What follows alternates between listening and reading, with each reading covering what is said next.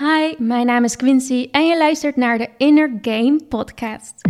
De podcast waar je terecht kunt voor diepgaande gesprekken rondom intern en extern succes. Ik ga in gesprek met interessante mensen om hun ultieme tips en inzichten met jou te delen. En uiteraard neem ik je mee op mijn persoonlijke journey, zodat we samen kunnen groeien. Are you ready? Enjoy the podcast. Hoi en welkom terug bij de Inner Game podcast. Vandaag ben ik hier niet alleen, maar ben ik hier met professioneel model Daphne Simons. Daphne is afgestudeerd als filosoof en is daarnaast al tien jaar werkzaam in deze wereld en heeft grote klussen op haar naam staan, waaronder Louis Vuitton, Prada en Chloé. Ze reist de hele wereld over, van Parijs tot LA, voor grote klussen en daarom kent ze de wereld van binnen en buiten. Zelf zegt ze over deze industrie: de fashionwereld kan de allermooiste droom zijn en je ergste nachtmerrie. Toen ze in 2015 dealde met een depressie en een eating disorder, werd ze gedwongen om te stoppen als model en begon ze zichzelf af te vragen waarom ze niet gewoon gelukkig kon zijn. Ze ontdekte haar werkelijke kracht en begon intensief aan haarzelf te werken, waardoor ze uiteindelijk haar e-book The Happy Model Mind heeft geschreven. Ze is nu terug in de modellenwereld en heeft zichzelf nu ingezet om deze industrie voor eeuwig en altijd te veranderen. Daphne is daarom de perfecte persoon om een gesprek mee aan te gaan over zelfvertrouwen, jezelfbeeld, jezelf durven zijn en alles eromheen. Want in de modellenindustrie ligt de focus natuurlijk heel erg op wat anderen van jou vinden. Vandaag gaan we er samen voor zorgen dat jij vanuit een beter perspectief naar jezelf kijkt en dat je handelt vanuit je eigen kracht. Welkom Daphne. Thanks, dankjewel. Hoe gaat het nu met je? Gaat goed. Ik zit hier in het uh, zuiden van Nederland. Maar uh, gaat, uh, gaat helemaal goed. Ja, thanks, dank je. Goed om te horen. Uh, ja, heel veel mensen kennen je natuurlijk nog niet vanuit mijn publiek. Um, dus het is wel eventjes leuk om te vertellen hoe je eigenlijk in de modellenwereld terecht bent gekomen. Um, yes, ik, uh, ik ben gescout eigenlijk toen ik 14 was. Het is eigenlijk een beetje het standaard scoutverhaal. Uh, ik liep in de H&M met een paar vriendinnetjes. En ik uh, werd de hele tijd achtervolgd en aangekeken door een uh, hele knappe uh, blonde vrouw. En toen, nou, op een gegeven moment gaf ze mij haar kaartje en ja, ben ik bij haar begonnen eigenlijk als model. in het begin was het nog allemaal niet zo, uh, weet je wel, dan zit je nog op school en dan... Ja. Maar toen ik klaar was met mijn VWO ben ik naar het buitenland gegaan. En toen begon het balletje in het buitenland eigenlijk heel snel te rollen. En heb ik mm -hmm. uh, mooie dingen mogen doen. Toen je werd aangesproken, had je toen ook meteen zoiets van: oh ja, dat zie ik misschien wel zitten. Had je er daarvoor al ooit over nagedacht? Of hoe stond je er eigenlijk toen in? Mm, Eigenlijk, ik, eigenlijk niet. Ik, ja, je moet, ik, was, ik was zo een verlegen meisje vroeger. Ik, ik denk dat ik er niet eens over na durfde te denken of zo. Ik durfde mm -hmm. het niet eens eens te dromen. Dus het was ook nog nooit in mij opgekomen. Ja, dus, dus ik had er nooit echt over nagedacht. Ja, op zo'n jonge leeftijd. Je bent natuurlijk dan nog best wel kwetsbaar op 14-jarige leeftijd. En nog best wel kneedbaar. En daardoor ook wel gevoelig natuurlijk voor de buitenwereld. Mm. Hoe ben jij op die leeftijd omgegaan met die, ja, die heftige industrie? Want het kan natuurlijk ook best wel een negatieve impact maken op bijvoorbeeld je zelfvertrouwen. Of juist het tegenovergestelde. Yeah. Maar op die kwetsbare leeftijd, hoe, hoe heb je dat een beetje ervaren? Ik wist destijds niet echt wie ik was en wat ik echt wilde. Als je niet weet wie je bent en, en wat je wilt, dan wordt dat eigenlijk vaak een beetje voor jou bepaald. En dat mm -hmm. gebeurt niet alleen in het modellenwereldje, maar dat gebeurt op heel veel andere plekken. Heel veel mensen gaan studies doen die ze eigenlijk niet willen.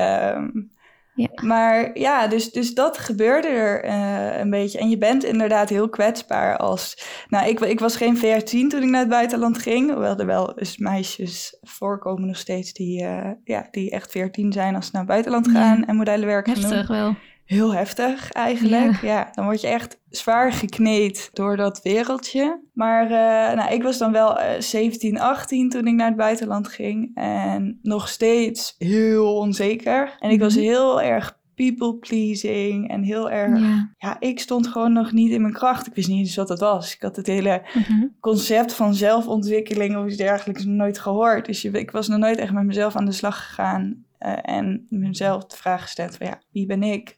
Wat wil ik? Want wanneer is dat gekomen? Kwam dat door wat je had meegemaakt toen in 2015? Ja, Of was je daarvoor er ook al mee bezig? Nee, eigenlijk, eigenlijk wel. En dat zie je heel vaak. Weet je wel, dat je dan een soort dieptepunt krijgt. En ja, Mhm. er dan eigenlijk veel sterker uitkomt. En soms denk ik ook wel eens van ja, dat dieptepunt had ik ook nodig om de persoon te zijn die ik nu, nu ben. En dat is eigenlijk, ja, vind ik echt prachtig hoe het leven dan in elkaar Mhm. zit. Ik herken dat ook inderdaad, want ja, mijn hele leven ben ik dan wel eigenlijk spiritueel geweest, maar ik stopte het altijd weg. En ik heb best wel wat meegemaakt en in één keer kwam er een klap. En dat was eigenlijk de druppel, dus ik stortte helemaal in. Dus je wordt dan gewoon gedwongen om echt naar jezelf te kijken, want je kan niet meer afhankelijk blijven dan van de buitenwereld en wat de buitenwereld doet. Het kan zeker een blessing zijn en ik geloof zelf eigenlijk ook wel dat alles op je pad komt met een reden. ja, om Of ervan je te het leren. nu als fijn of niet fijn ervaart, ja, precies.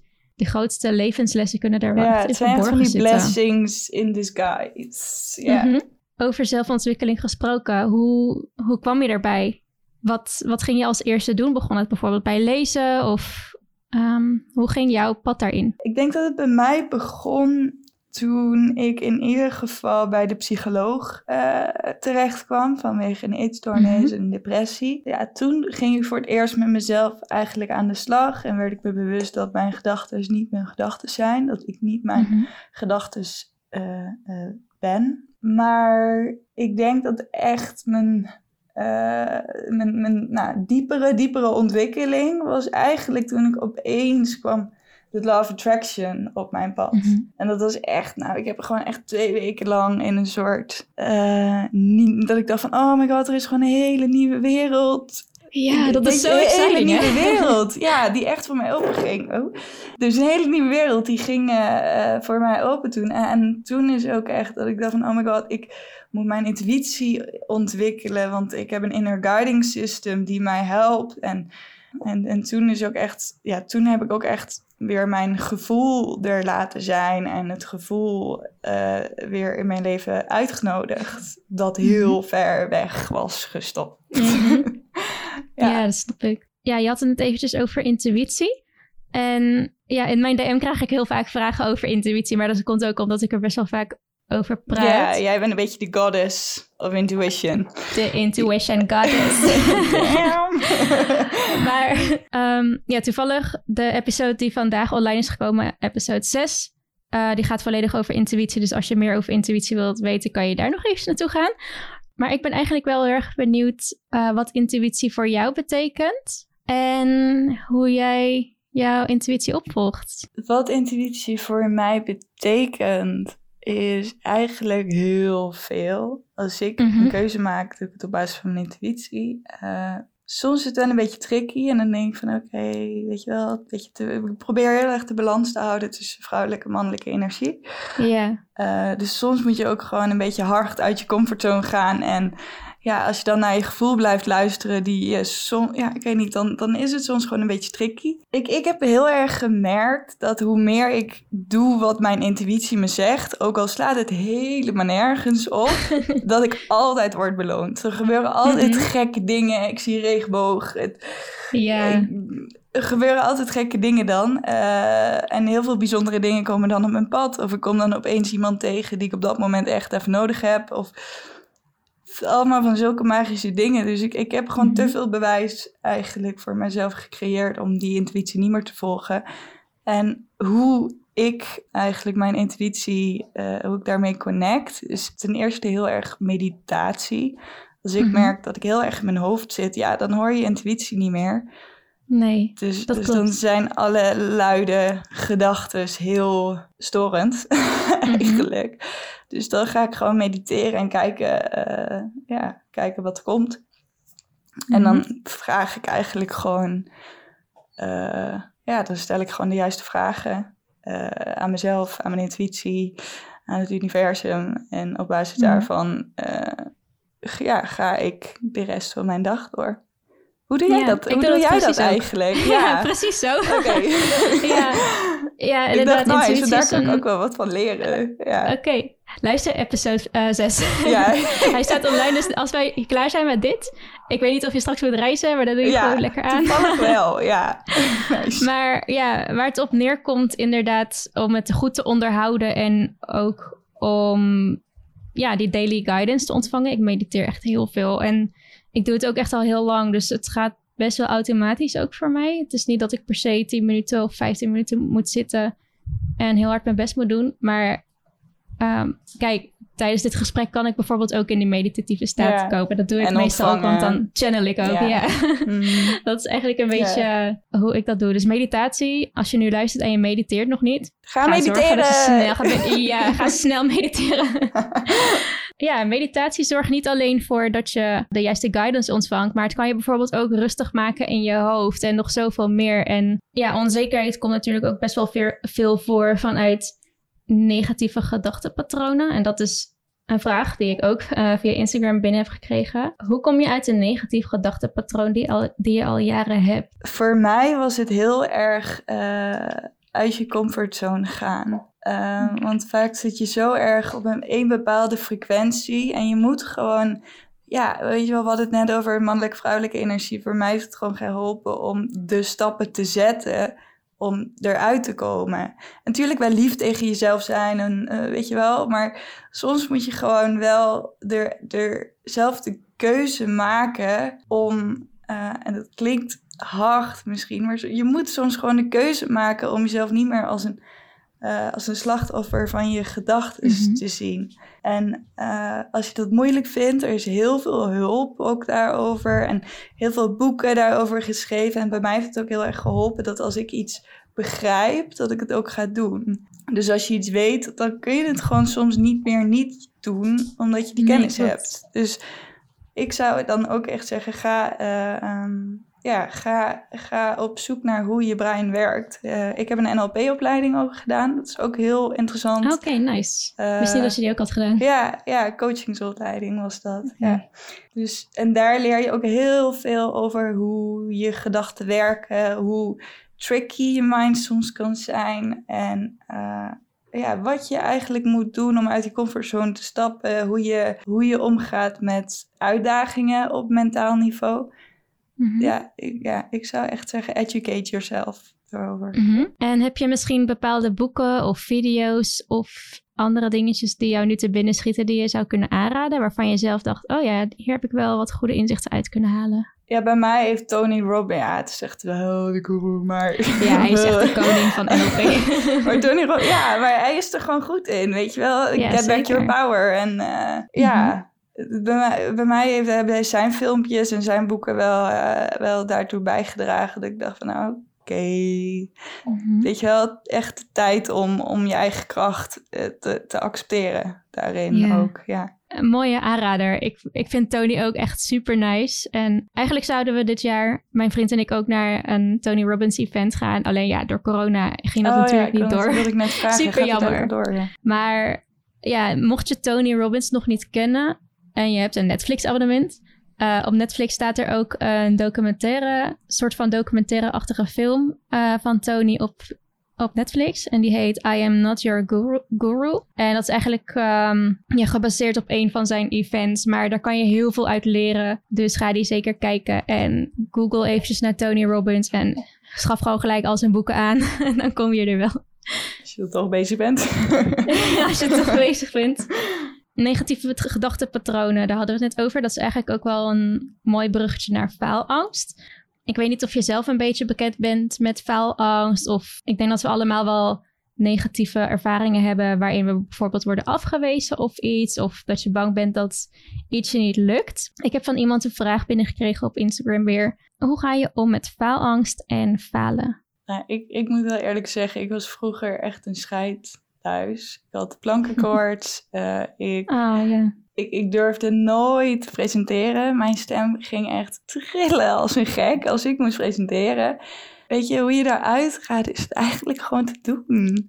Mm Dus, uh, en dan kom je eigenlijk weer terug op uit je comfortzone stappen. Ja. En steeds, um, ik denk wat daar ook bij mij heel erg bij helpt, dat is zo'n NLP-trucje.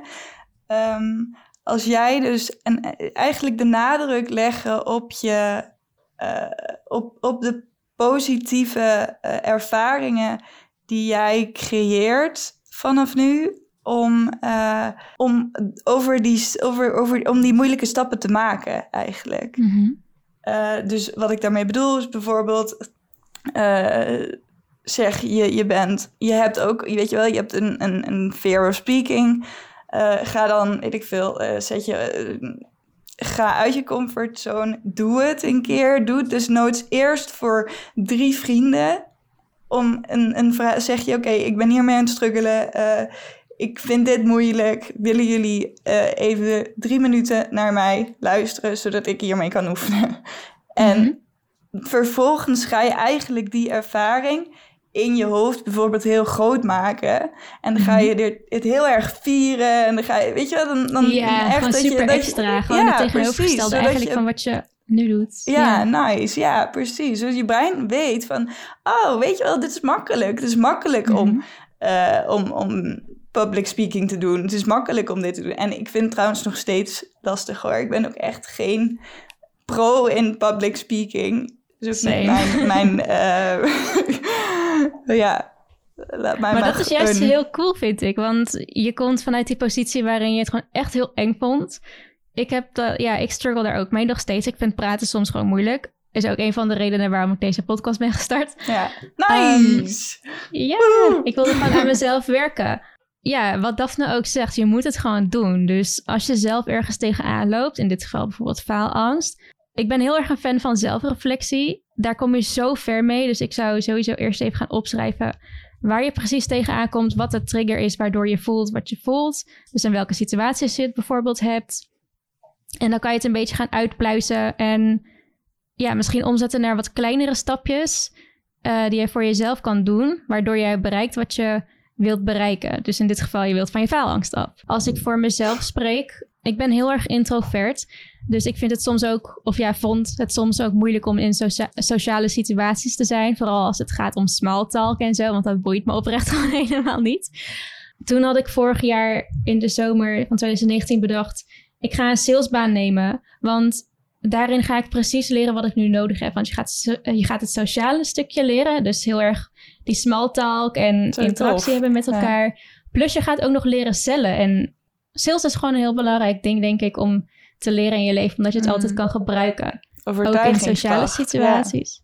Sorry? Ja, ja is overtuigingskracht, inderdaad. Ja, precies. Dus dat is iets wat voor mij heel erg werkte. Maar ja, bedenk voor jezelf wat je nodig hebt. Wat je nodig hebt om te komen waar je wil komen. En ga gewoon even brainstormen met jezelf op wat voor manier je dat zou kunnen bereiken. Dus als het nu dan gaat om spreken, uh, je kan misschien beginnen met het opnemen van YouTube-video's of ook een podcast. Al is het alleen maar voor jezelf. Of ja, ik heb dan die salesjob genomen. Er zijn heel veel mogelijkheden in ieder geval om ergens van af te komen. Maar ik denk wat ook heel belangrijk is, is om te beseffen dat waar je nu staat, is niet hoe je je hele leven hoeft te zijn.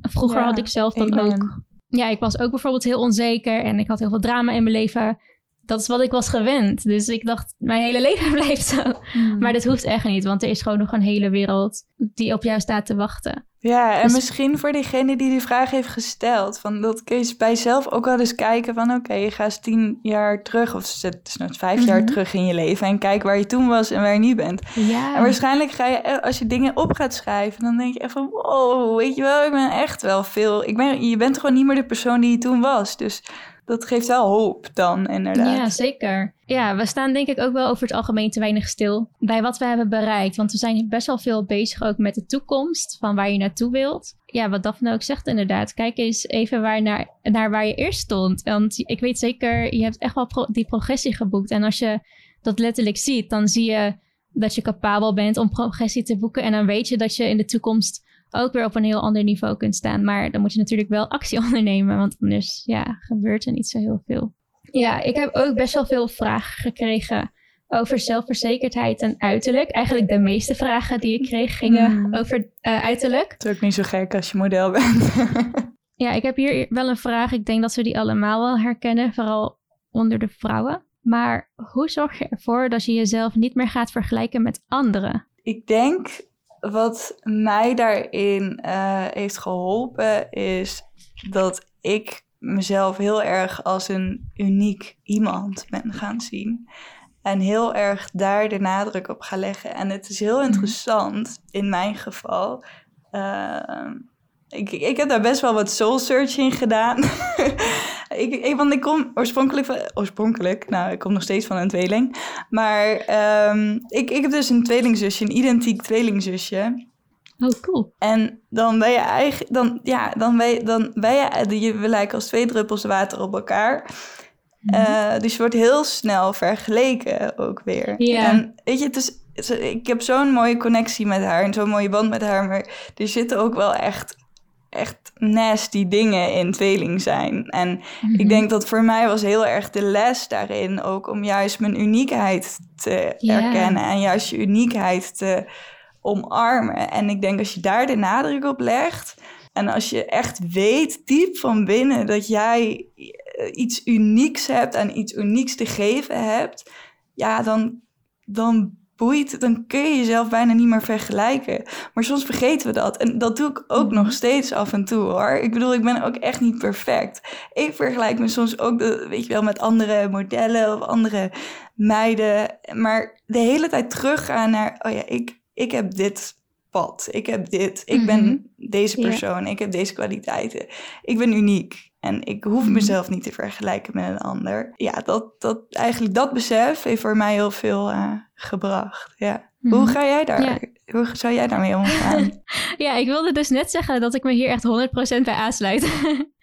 ik denk dat dat ook gewoon de cure is. Gewoon echt accepteren ja. dat jij uniek bent. Weet je wat het ook heel erg is? Als je zelf gaat vergelijken, je vergelijkt je dan altijd met iemand die jij zelf boven jezelf plaatst. Dus je idealiseert eigenlijk een persoon. En ja, in dit geval dan gebaseerd op het uiterlijk. Maar het ding is, de reden waarom je je vergelijkt met deze geïdoliseerde persoon, is die persoon is ook uniek. En dat is vaak wat je dan aantrekkelijk vindt aan diegene. Dus waarom zou je dan iemand willen kopiëren of iemand anders willen zijn. Als jij zelf ook die persoon kan zijn, maar dan op jouw manier. Dat jij echt jezelf kan zijn en dat jij misschien een voorbeeld kan zijn voor anderen. Kijk, op het gebied van uiterlijk is er niet echt zoiets als een, een voorbeeld zijn of zo. Ja, heel subjectief natuurlijk. Ja, beauty is in the eye of the beholder. Dus mhm. ja. Ik denk dat het ook wel belangrijk is om gewoon wel echt altijd te beseffen dat je veel meer bent dan alleen je fysieke lichaam. Ik bedoel, dit is gewoon een vleeszak met mm. boter erin. Die laat je weer achter als je doodgaat. Ja, en ook weer niet. Ik heb wel echt over... Ja, ik heb laatst... Ik, ik heb ook echt heel erg zo erover nagedacht. Mhm. Eh, en een tijdje ook bijna als een soort comeback van de eetstoornis en zo, weet je wel, over, mm ex, weet ik veel, excessief eigenlijk bezig zijn met mijn lichaam en met mijn uiterlijk en dergelijke. Mhm. Dat ik een, op een gegeven moment een tijdje had van ja, boeien, laat mij maar lekker in mijn joggingsbroek op de bank uh, uh, blijven. En ik werk gewoon mhm. lekker in mijn joggingsbroek. En, maar eigenlijk op een gegeven moment toch wel de switch gemaakt. Want het is zo belangrijk om je goed te voelen in je lijf. En zo belangrijk om je mooi te voelen. En ik denk dat juist ook beauty. Het is gewoon wel. Het is, het is zo belangrijk. Maar beauty mhm. moet wel op de juiste manier worden begrepen. Ja, dat, denk ik ook. Zo. Ik denk dat het gewoon schoonheid in het algemeen. Het is natuurlijk een heel interessant onderwerp. Maar je uiterlijk is ook gewoon een vorm van zelfexpressie, inderdaad. Dus... Ja, ja, dat zei jij laatst inderdaad ook tegen mij. Ja. Oh, dat weet ik echt niet Nou, worries, maar... Ja, volgens mij ergens bij een DM'tje inderdaad. En dan had je het over oh, plastische chirurgie of zo. En nee, goed, toen hadden we daar een gesprekje over. ik heb zoveel DM's, ik weet het soms echt niet meer. maar ja, en misschien als je struggelt met uiterlijke onzekerheden, inderdaad keer terug naar wie jij werkelijk bent. En own die uniekheid. En als je een beetje, zeg maar, op een diep level bezig bent met spiritualiteit. Dit is een inzicht wat ik laatst heb gehad. Misschien ben je dan ook wel een beetje bekend met het fenomeen starseeds. Jij wel, denk ik. Jij, hè? Mhm. Ja, ik voel mezelf bijvoorbeeld dan best wel connected met Delirians. En zij zijn ze lijken een beetje op een soort van katten of zo. Maar een van die uh, uiterlijke features is het hebben van een wat grotere of bredere neus. Ik was altijd heel erg onzeker over mijn neus, want ik vind hem heel groot. Ah, ja. Zegt bijvoorbeeld, uh, ja, dat is echt bullshit, is helemaal niet groot. Maar dit is hoe ik het zelf zag omdat ik het ook wel eens om me heen had gehoord van ja, je hebt echt een grote neus. Dus het heeft mij super onzeker gemaakt. Toen kreeg ik dit besef en toen dacht ik, dit is eigenlijk zo cool. Want stel, ik ben echt uh, van die Starseed afkomstig, weet je wel. Het vertelt gewoon een heel verhaal. Ja, snap je? Ja, ik werk even wel. Ja, nice. Ja, toen dacht ik, fuck it. En wat boeit het nou eigenlijk? Ja, en dan wat hoort anderen het vertellen je. over je uiterlijk. Dat slaat zo helemaal nergens op. Dus het is ook belangrijk om jezelf gewoon boven mensen te zetten die jou pesten om, om je uiterlijk. Als er serieus mensen zijn die daar negatief over praten, als dat het geval is, skip deze mensen als het mogelijk is natuurlijk. En probeer jezelf erboven te plaatsen. Want wie de fuck zijn zij om te bepalen of jij mooi bent of niet? Want Ja. ik denk dat schoonheid, ja, het, het komt vooral uit jezelf. Ja, plus mocht je ge- echt gepest worden om je uiterlijke features. Het is altijd een, ja, het is altijd een reflectie van die persoon die pest. En niet, het is geen realiteit over jou. Het is geen, het zegt echt helemaal niks over jou. Wat Mhm. de inhoud van wat ze zeggen, het is absoluut niet waar. Het, is, het gaat 100% eigenlijk over, ja, over, over, wat, over degene die pest. En zijn Mhm. of haar onzekerheid.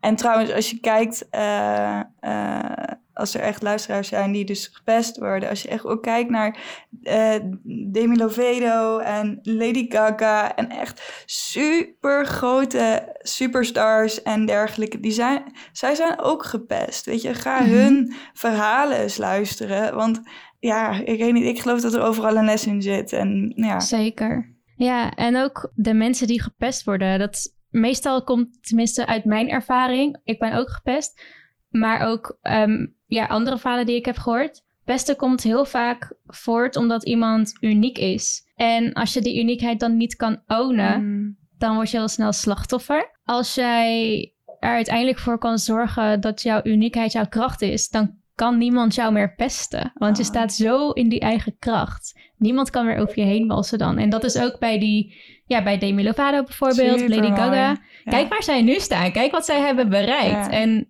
ja, zouden die pesters dat ook hebben bereikt? Ik denk het misschien niet. maar ja, zij hebben uiteindelijk van hun uniekheid hun kracht gemaakt. En daardoor hebben zij het succes behaald wat zij nu hebben behaald. Mm. Dus dat is wel ook iets inspirerends om over na te denken, denk ik. Ja, super mooi inzicht. Oh ja, over je uniekheid ownen. Dat heeft natuurlijk te maken met zelfliefde. En Mhm. zelfliefde is een heel belangrijk onderwerp.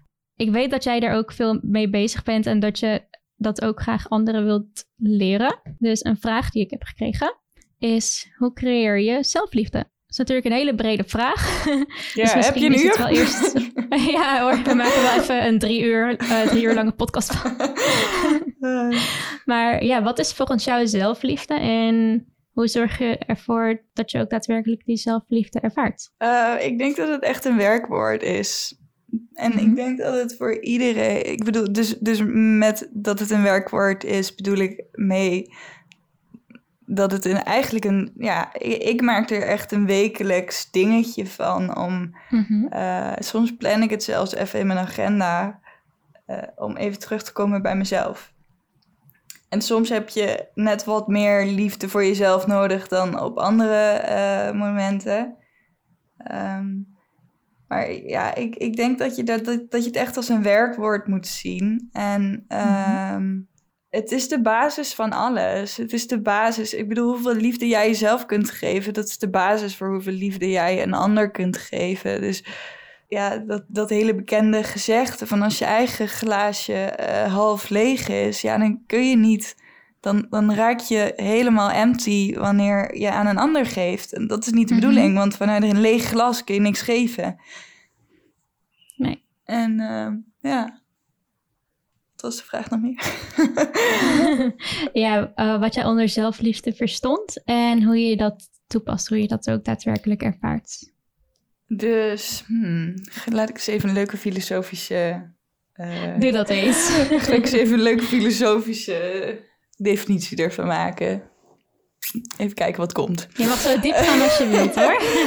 Eh, dus zelfliefde is voor mij een vorm, ja, een, een, een, een basisvorm van liefde.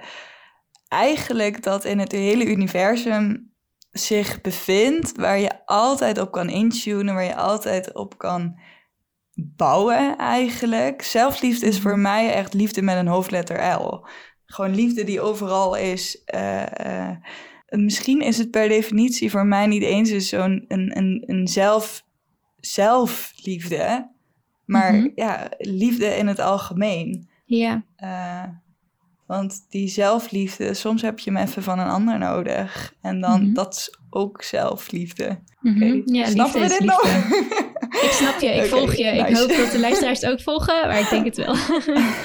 maar dat is een heel mooi perspectief inderdaad. Want de, de, ja, de krachtigste kracht, dat klinkt heel raar, is liefde. Het is zo, zo sterk. En liefde heeft natuurlijk ook de meest hoge vibratie. Ehm, dus als je bezig bent, ook op spiritueel niveau, op energetisch niveau, en je struggelt met zelfliefde, ja, denk dan eventjes na over je vibratie. Als jij je vibratie hoog wilt houden, om wat voor reden dan ook, gewoon simpelweg omdat je het verdient, of omdat je je vibratie hoog wilt houden omdat je iets wilt manifesteren, noem maar op.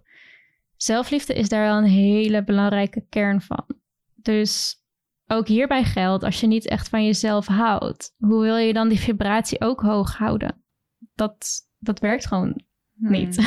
En ja, je kan natuurlijk verschillende dingen doen om je zelfliefde te vergroten. Maar het is zo'n breed onderwerp. Dus het kan gaan inderdaad over selfcare. Dus om de, rust de rustmomenten te pakken die je op dat moment nodig hebt. Maar ook jezelf die schop onder de kont geven. Ja, heel veel mensen verstaan onder zelfliefde ook bijvoorbeeld het eten van een pizza, weet je wel. Van ja, ik moet mijn mind ook gelukkig maken. Iedereen mag gewoon zijn eigen keuzes maken. Maar ik denk dat het vooral heel belangrijk is dat je bewust bent van alles en ook de handelingen die je doet. Dus stel je wilt een pizza eten, waar komt het dan werkelijk vandaan? Is dat het stemmetje in je hoofd van je ego? Als je heel veel ongezond eet, dit gaat misschien weer ietsjes dieper, maar ik ga het nu bij één ding houden en dat is je darmstelsel. Die staat in verbinding met je brein. Dus als mensen zeggen, je bent wat je eet, natuurlijk je, de cellen in je lichaam, die ontstaan daardoor. Maar ook je darm, omdat je darmstelsel in verbinding staat met je brein. Stel je even voor als er een pizza in je darmen zit. Dat bestaat uit lage vibraties. Het is doodvoedsel, het is fabrieksvoedsel. Dierlijke producten zitten er vaak op. Die negativiteit gaat ook weer door naar je hersenen. Waardoor jij mm, sneller negatieve gedachten ervaart. Plus je energie wordt lager, dus je bent sneller moe. En dan kom je ook weer in dat cirkeltje terecht. Want als je sneller moe bent, is het ook moeilijker om positief te denken over het algemeen. Je valt dan sneller terug in negatieve routines, noem maar op. Ja, probeer voor jezelf ook iets dieper na te denken over wat zelfliefde werkelijk is. Want in mijn ogen is zelfliefde volledige acceptatie van jezelf ook leven in jouw eigen kracht en jouw eigen uniekheid. Want je bent hier gekomen met een missie natuurlijk. Als je dat niet volledig oont, dan kan je gewoon simpelweg niet je zielenmissie uitvoeren. Zo simpel is het. Ja, laat, je laat jezelf dan vooral ook niet tegenhouden door inderdaad verkapte perspectieven op zelfliefde. Want heel veel komt niet voort vanuit werkelijke zelfliefde, maar vanuit wat jouw ego denkt dat zelfliefde is. Ja, we hebben het net eventjes gehad dan over uiterlijk en over zelfliefde. Maar ook één vraag eh, die ik hier heb staan is... Ik voel me vaak onzeker als de aandacht op mij is gericht. Bijvoorbeeld als ik in het middelpunt sta van de belangstelling, maar ook voor de camera. Hoe kan ik dat loslaten? Ehm, ik, zou, ik zou kijken naar je waarom. En zou ik echt zeggen van ga, ga echt naar je waarom. Want er zijn oprecht gewoon mensen die het vreselijk vinden eh, om in de picture te staan. En waarvan het ook niet misschien de zielsmissie zelfs is om in de picture te staan. Dus dat, en dat kan. En dat, dat, dat- dus dan heeft diegene een- gewoon andere kwaliteiten. En als het bij jou dus wel de bedoeling is ook dat jij in de picture echt staat. En ik geloof dat dat wel echt zo is, als ik dat zo hoor. Mhm. Dan zou ik echt gaan kijken, waarom wil ik dat? Eh, eh, en en je, je eigenlijk je Northern Star, je, je, je visie echt straight houden. Van waarom wil ik dit precies? Waarom wil ik eh, uit die comfortzone eigenlijk gaan? Ja, meer zichtbaar worden eigenlijk. Mhm.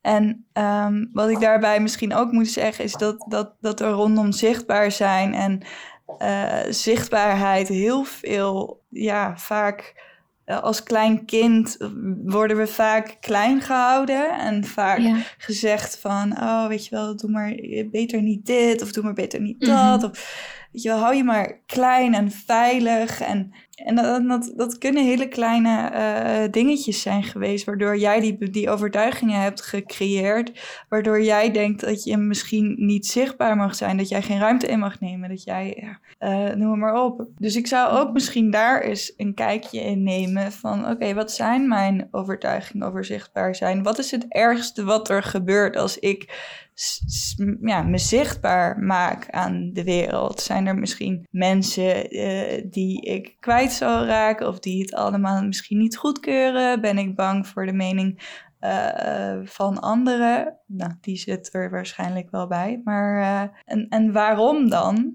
Waarom ben je daar bang voor? Wat gaat er dan gebeuren? Echt je, je, je fears onder ogen komen eigenlijk. Je angsten mm onder ogen komen. Ja, en bij mij helpt journaling heel erg bij deze dingen. Gewoon ja, bij mij ook. write it out. Mm En kijk wat er komt. Kijk welke emoties er ook bij komen. En, uh, want het, het is uiteindelijk ook gewoon een, een psychologisch dingetje. Een, een mm psychisch uh, ja. dingetje. En vaak resulteert het trouwens ook in... in uh, niet altijd, maar het kan trouwens ook in, in huidproblemen leiden. Als jij niet zichtbaar durft te zijn. Want ik zag dat er daar ook een vraag, geloof ik, over was. Dat heel vaak is het gekoppeld aan um, zeg maar de, de, de metafysische oorzaak. Ik, ik mhm. vind het allemaal super interessant, die metafysische oorzaak. maar uh, is, is vaak dat je je niet zichtbaar durft. Zeg maar dat, dat je huid is alles rondom zichtbaarheid, rondom naar buiten treden. Weet je wel, echt, uh, ja. Je bedoelt dat als je die onzekerheid hebt bijvoorbeeld om in het middelpunt te staan, dat je bijvoorbeeld eczeem of acne of, of iets kan hebben? Ja. Of begrijp ik het nu verkeerd? Ja, Oké, okay. oh, dat is echt super interessant. Dat is ja. helemaal niet. Ja, maar wel logisch. Ik heb het van mijn eigen uh, healer. Uh, okay. Ik heb zelf ook een uh, ja, healer. Ik kom uit Londen. Mm -hmm. En coach, healer. Ja, is een beetje yeah. van alles wat. Maar zij, uh, want ik had ook inderdaad, ja, modellen hebben soms ook last van hun huid. Maar uh, ik had ook last van mijn huid. En uh, toen kreeg ik, kreeg ik deze tip opeens op mijn pad. En toen dacht ik van, oh, er zit zoiets erachter. Super interessant. Ja. ja, zo zie je maar weer. We denken heel vaak nog best wel op. Uh, ja, in ja het, ga er nog een crèmpje op doen, inderdaad. Maar op een gegeven ja, ja. En soms helpt dat, oprecht. Ja. Weet je wel? Crèmpjes, ik hou van crèmpjes. Maar soms wow, er nog... Uh... Ik krijg nu ook echt zo inzicht. Maar ja, daar gaat het eigenlijk ook letterlijk over nu. Maar nu je over crèmpjes begint, dat is letterlijk vanuit, vanuit de buitenkant, vanuit, vanaf de oppervlakte. Um, proberen de de, de root van het probleem aan te pakken, maar dat werkt niet, want het komt letterlijk van binnenuit. Net als slechte huid, dat komt ook vanaf binnenuit. Dus de oorzaak betekent ook, uh, om erachter te komen wat, je, wat de oorzaak is, betekent ook dat je gewoon dieper in jezelf moet gaan kijken. Ja, en, die wonden eigenlijk te helen in plaats van de wond af te dekken ja, met een precies. ja, want dat is hoe heel veel dingen in deze westerse maatschappij gaan. We blijven heel erg symptomen bestrijden met alles letterlijk natuurlijk met ziektes in ziekenhuizen. Maar ook gewoon met ja, mentale issues of energetische issues.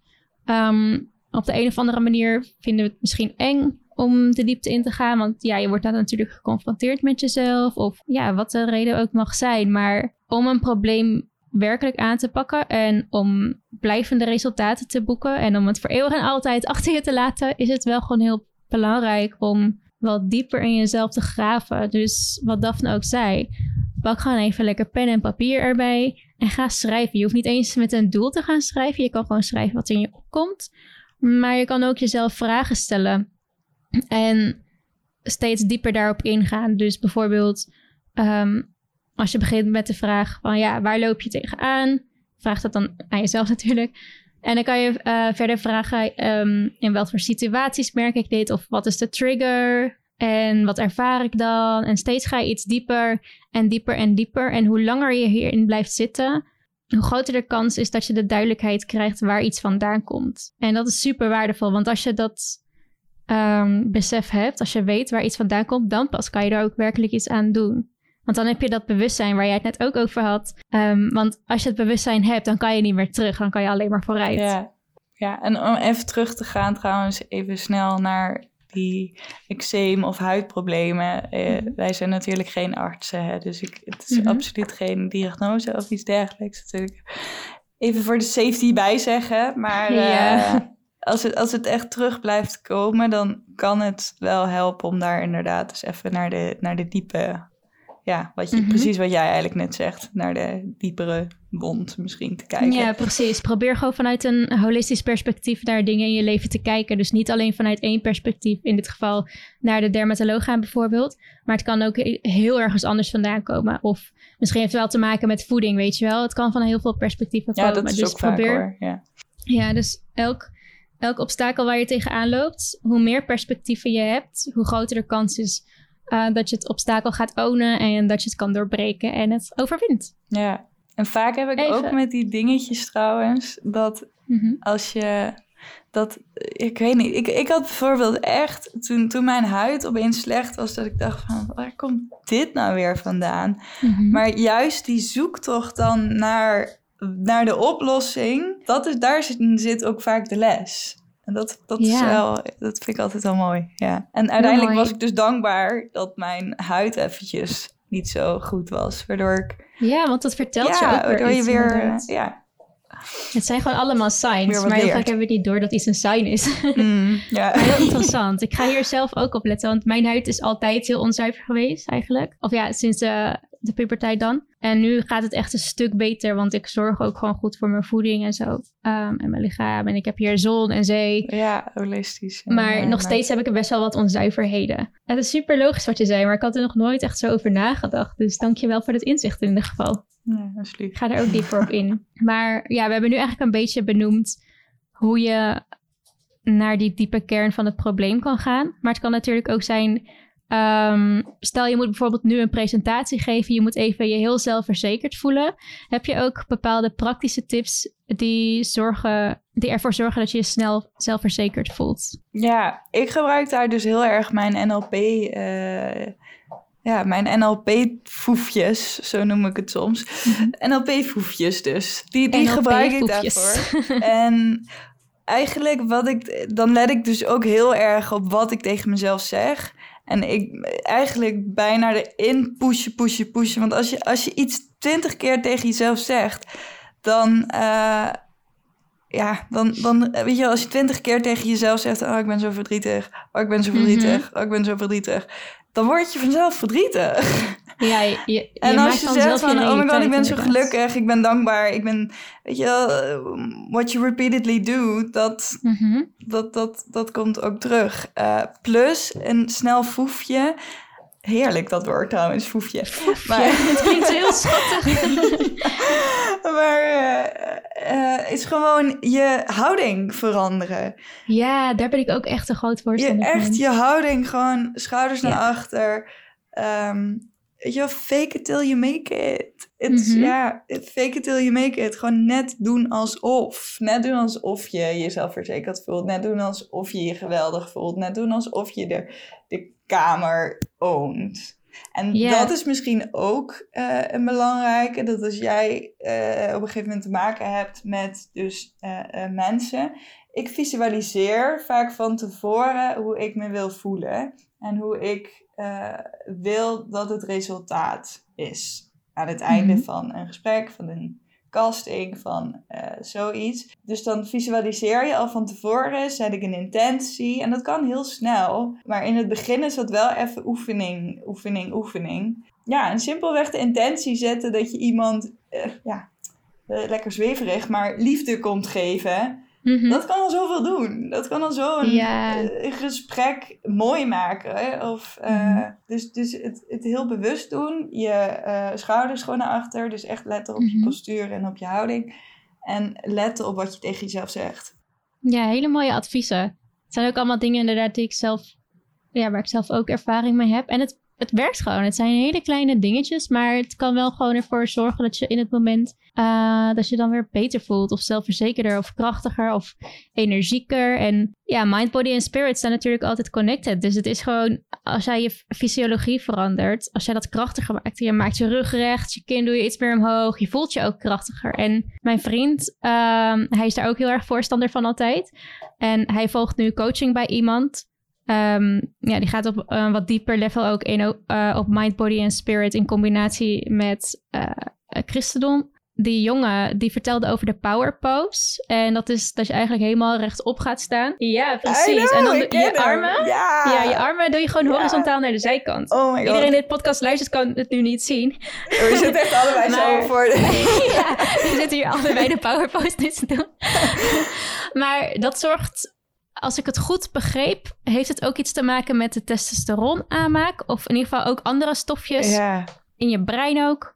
Um, waardoor jij je snel krachtiger gaat voelen en ook energie, uh, energieker. En als je daarbij bijvoorbeeld ook nog even goed gaat letten op je ademhaling. Want stel ja. je moet iets gaan doen wat je spannend vindt.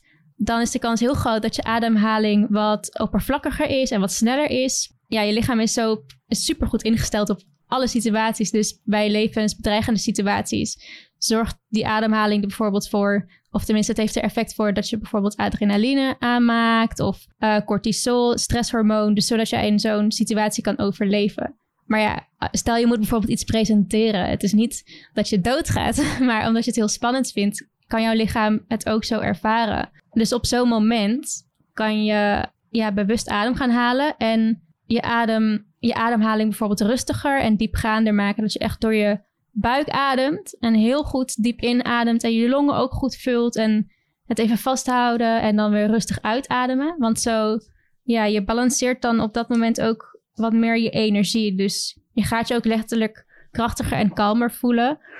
En je brengt natuurlijk ook gewoon weer letterlijk zuurstof naar je hersenen, waardoor je wat scherper wordt, waardoor je wat alerter wordt, uh, waardoor je de situatie misschien iets beter kan overzien. Dus ik ben ook heel erg fan altijd van ademhalingstechnieken, oftewel breathwork. Heel veel mensen kennen denk ik ook wel Wim Hof.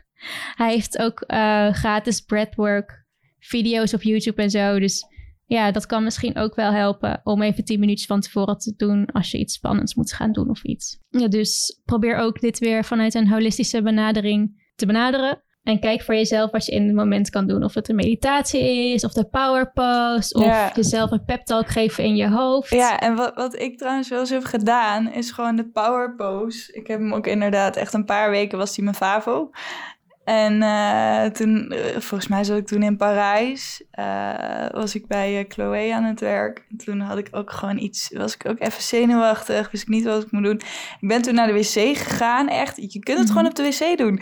Dus Ja, als je zeker. schaamt of iets dergelijks, ga gewoon even naar de wc, doe de power pose, kom terug en je voelt je geweldig.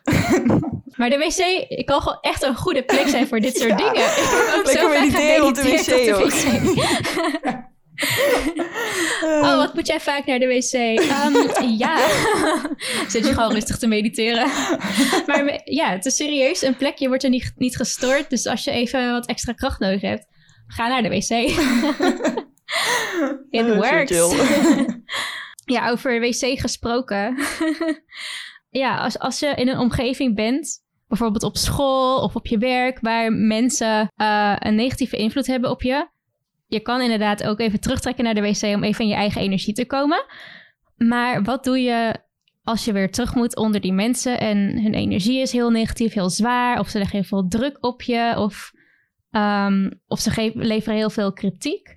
Hoe zorg je ervoor dat ehm, als je zeg maar de omgeving niet kan veranderen of er niet uit kan stappen, hoe kan je dan het beste omgaan met een negatieve omgeving? Hoe zorg je dat je in je eigen kracht blijft staan? Eh, wat, wat ik hierbij heel erg heb gemerkt, en dat ben ik de laatste tijd steeds meer aan het leren, is dat ehm, wanneer jij eigenlijk dus de energie opneemt vanuit je omgeving, wat je dan kan doen is eigenlijk, ja, lekker cliché, maar echt terug in je kracht komen. Want wat er dan gebeurt, en hoe doe je dat? Door weer positieve dingen tegen jezelf te zeggen, eh, weer Mhm. op die houding bijvoorbeeld te letten. Ehm, kijk naar wat er goed gaat. Kijk naar wat je goed doet. Echt spreek jezelf gewoon goede moed in. Want wat er, wat er dus gebeurt als jij in je kracht staat, is dat, dat, dat je eigenlijk naar buiten, zeg maar, je energie vibreert naar buiten.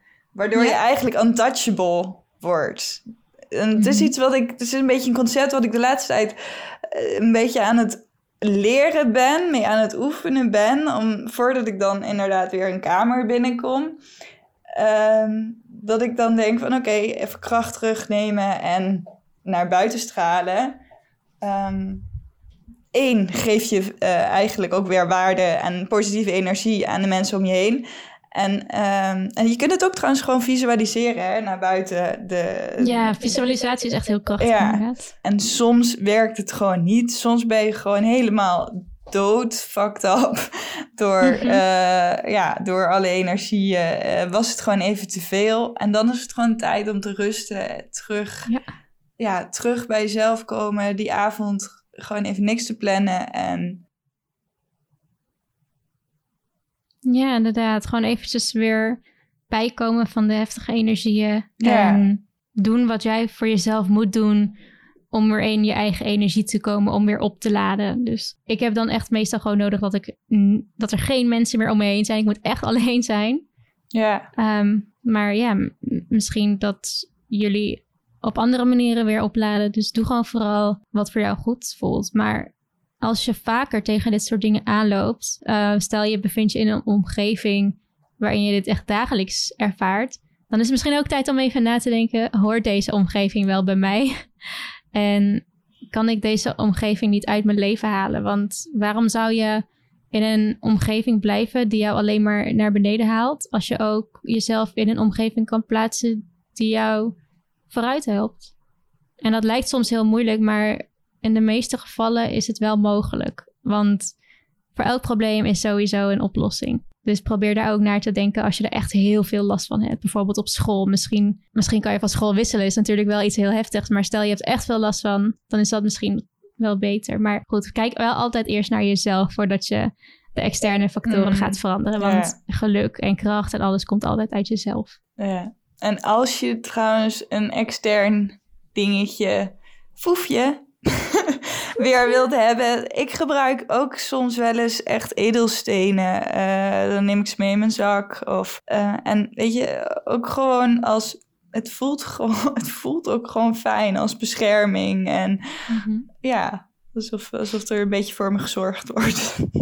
Ja, inderdaad. Je kan ook gewoon eventjes een momentje nemen om te mediteren of om te bidden. Of in ieder geval uit te reiken naar de universe, naar de bron, wat voor jou ook de bron kan zijn. En je vraagt gewoon om bescherming of om inzichten of om welke stappen je kan zetten. Maar als je erom vraagt, je, je, je, ontvangt altijd wat je vraagt. Misschien niet altijd op de manier die je in je hoofd hebt, maar je ontvangt het wel altijd. Dus vergeet ook vooral niet uit te reiken naar het universum, want je bent hier wel als mens, maar je hebt wel gewoon die uh, universele samenwerking en die is gewoon 24/7 voor je beschikbaar. Dus er is altijd een hulplijn die je kan inschakelen. Universe dialing in. yeah. Voordat we gaan afronden is het wel leuk om Daphne nog iets beter te leren kennen en om haar, aan haar te vragen wat haar meest waardevolle lessen zijn die je hebt geleerd tijdens je modellencarrière? Eén is blijf altijd bij jezelf uh, mm-hmm. en bij je gevoel. Ik denk, ja, dat heb ik enorm onderschat. Ik ben echt alleen maar rationeel, rationeel, rationeel geweest. Niet op mijn gevoel gelet. Niet mijn intuïtie gevolgd. Uh, dus als iets fout voelt, ga er van weg. Als iets goed voelt, mm-hmm. loop er naartoe. Um, Twee is een les eigenlijk in gezondheid en hoe ontzettend belangrijk gezondheid voor je is. Dat als jij gezond bent fysiek, dat de rest om je heen vibreert eigenlijk als een malle. Ehm, en nummertje drie, vertrouw eigenlijk. Vertrouw dat het goed komt. Als ik ook terugkijk naar uh, hoe ik me toen voelde en hoe ik nu was, had ik nooit gedacht en alles is goed gekomen. Uh, dus vertrouw ook gewoon dat het goed komt. Ik denk dat ik dat heel erg heb geleerd. Om te vertrouwen dat waar ik ook, in welke goot ik ook eindig, dat het altijd goed komt. En dat is wel echt een, ja, zo'n belangrijke les die ik, uh, die ik heb mee mogen nemen. Hele mooie les, ja. Ik heb dat ook. Ik zat er ook laatst nog over na te denken van altijd, alles komt altijd goed. In het moment is het altijd goed. Als het niet goed is, dan zit je vaak in het verleden of in de toekomst. Maar echt precies hier op dit moment. Je zorgt er altijd voor dat je, dat je goed zit. Het maakt niet uit wat de situatie is. Of je nu uh, staat in een brandend huis. In het moment, je bent waarschijnlijk op zoek naar manieren om te vluchten Um, dit is wel een heel extreem voorbeeld natuurlijk. Nice. Waar dit van nu opkomt. Ja, maar stel je hebt een plek gevonden waardoor je nog steeds in leven bent. Of je hebt je hondje net gered, weet je wel. in het moment is het goed. Dus maak je vooral niet te druk over, over wat er komen gaat. Want het enige wat telt is letterlijk dit moment. En als je het ook kijkt vanuit een iets dieper perspectief. Er lopen superveel tijdlijnen door elkaar heen. Sowieso op dit moment. Maar je bent ook altijd... Uh, je hebt zelf altijd de vrije keuze om jouw tijdlijn te kiezen. Dus als jij alleen maar bezig bent met de toekomst. En je besluit dan opeens om een andere tijdlijn te nemen, om een ander pad te kiezen. Dan kan de toekomst er heel anders uitzien. Dus eigenlijk is het ook wel een beetje tijdverspilling om te veel na te denken over de toekomst. Maar het is wel belangrijk om een toekomstvisie te hebben, zodat je wel in ieder geval die richting op gaat natuurlijk. Ja, heb vertrouwen in dat het goed komt. En probeer wat meer in het moment te blijven. En just trust. Trust the universe. Het universum heeft echt mooie plannen altijd voor je. En dat zie je ook bij jou. Want ja, als je bepaalde dingen niet had meegemaakt, dan stond je natuurlijk ook niet waar je nu, zou, waar je nu staat. Yes. Het, hmm. is, het is hoe gaat die quote ook alweer? Van, uh, it's, uh, in the end, everything's gonna be okay. And if it's not okay, it's not the end. Ja, dat is echt zo. Heerlijke quote, ja. Let that sink in. en als je terugkijkt naar je jongere zelf, is er dan nog iets wat jij je jongere zelf graag zou willen meegeven? Ja, toch wel echt dat alles, ja, wat ik als laatste net zei, dat alles goed komt. Mhm. Weet je wel, vertrouw, vertrouw, vertrouw, vertrouw, vertrouw, vertrouw. Weet je, ik zat in zo'n diepe put destijds dat ik oprecht gewoon dacht dat ik er niet uitkwam. En, en toch is het gelukt. Dus en, en ja, weet je wel, er is een pad en, uh, voor, voor mij weggelegd. Dus vertrouw ook op dat pad en vertrouw op je kunnen om dat pad te realiseren. Dat, mhm. denk ik, ja dat is ook wat ik mezelf eigenlijk wel als advies zou geven. En ik denk dat iedereen zich dat wel als advies zou moeten geven. Is er zelf nog iets wat jij de luisteraar zou willen meegeven? Wat mij het meeste uh, ook heeft geholpen in, uh, in, in, in, ja, in, in waar ik nu sta en uh, wat ik nu doe, is ook echt om te erkennen dus dat je uniek bent en dat je een unieke purpose hebt hier. En dat mm jij dus zo fucking hard nodig bent in deze wereld. En ik denk dat heel veel mensen dat niet uh, begrijpen. En, of niet diep, diep, diep, diep, diep weten. En dus ook niet zo handelen. En dat is zonde, want dan gaat er talent verloren. Gaan er gave giftes verloren die, die we gewoon nodig hebben op dit moment. En uh, ja, I don't know, it's time to step up and mm get back your power. Ja, helemaal mee eens. Ik heb het hier toevallig ook gehad, uh, over gehad in de podcast die vandaag online is gekomen. Dus podcast 6. Dus stel je hebt deze geluisterd en je hebt podcast 6 nog niet geluisterd. Hierbij nog wat meer. Ga die lekker even luisteren ook. Want hierin praat ik ook over waarom het belangrijk is om je eigen pad te volgen. En dat sluit ook, uh, sluit ook weer mooi aan op dit gesprek. En als je hier nog dieper op in wil gaan, Daphne heeft ook een e-book geschreven. Die heb ik zelf ook aangeschaft. En ik heb er ook al wat mooie dingen uit uh, kunnen halen. Dus ik weet zeker dat heel veel van jullie er ook wat aan zullen hebben. En zou je daar kort iets over willen vertellen over je e-book en waar ze dat kunnen vinden als ze het willen aanschaffen? Uh, het e-book is verkrijgbaar op www.thehappymodelmind.com. Uh, het is dus een Engelstalig e-book. Ehm, het is gewoon een boek wat, wat ik heel graag had willen lezen uh, toen ik 18, 19 was en toen ik het leven even niet meer zag zitten.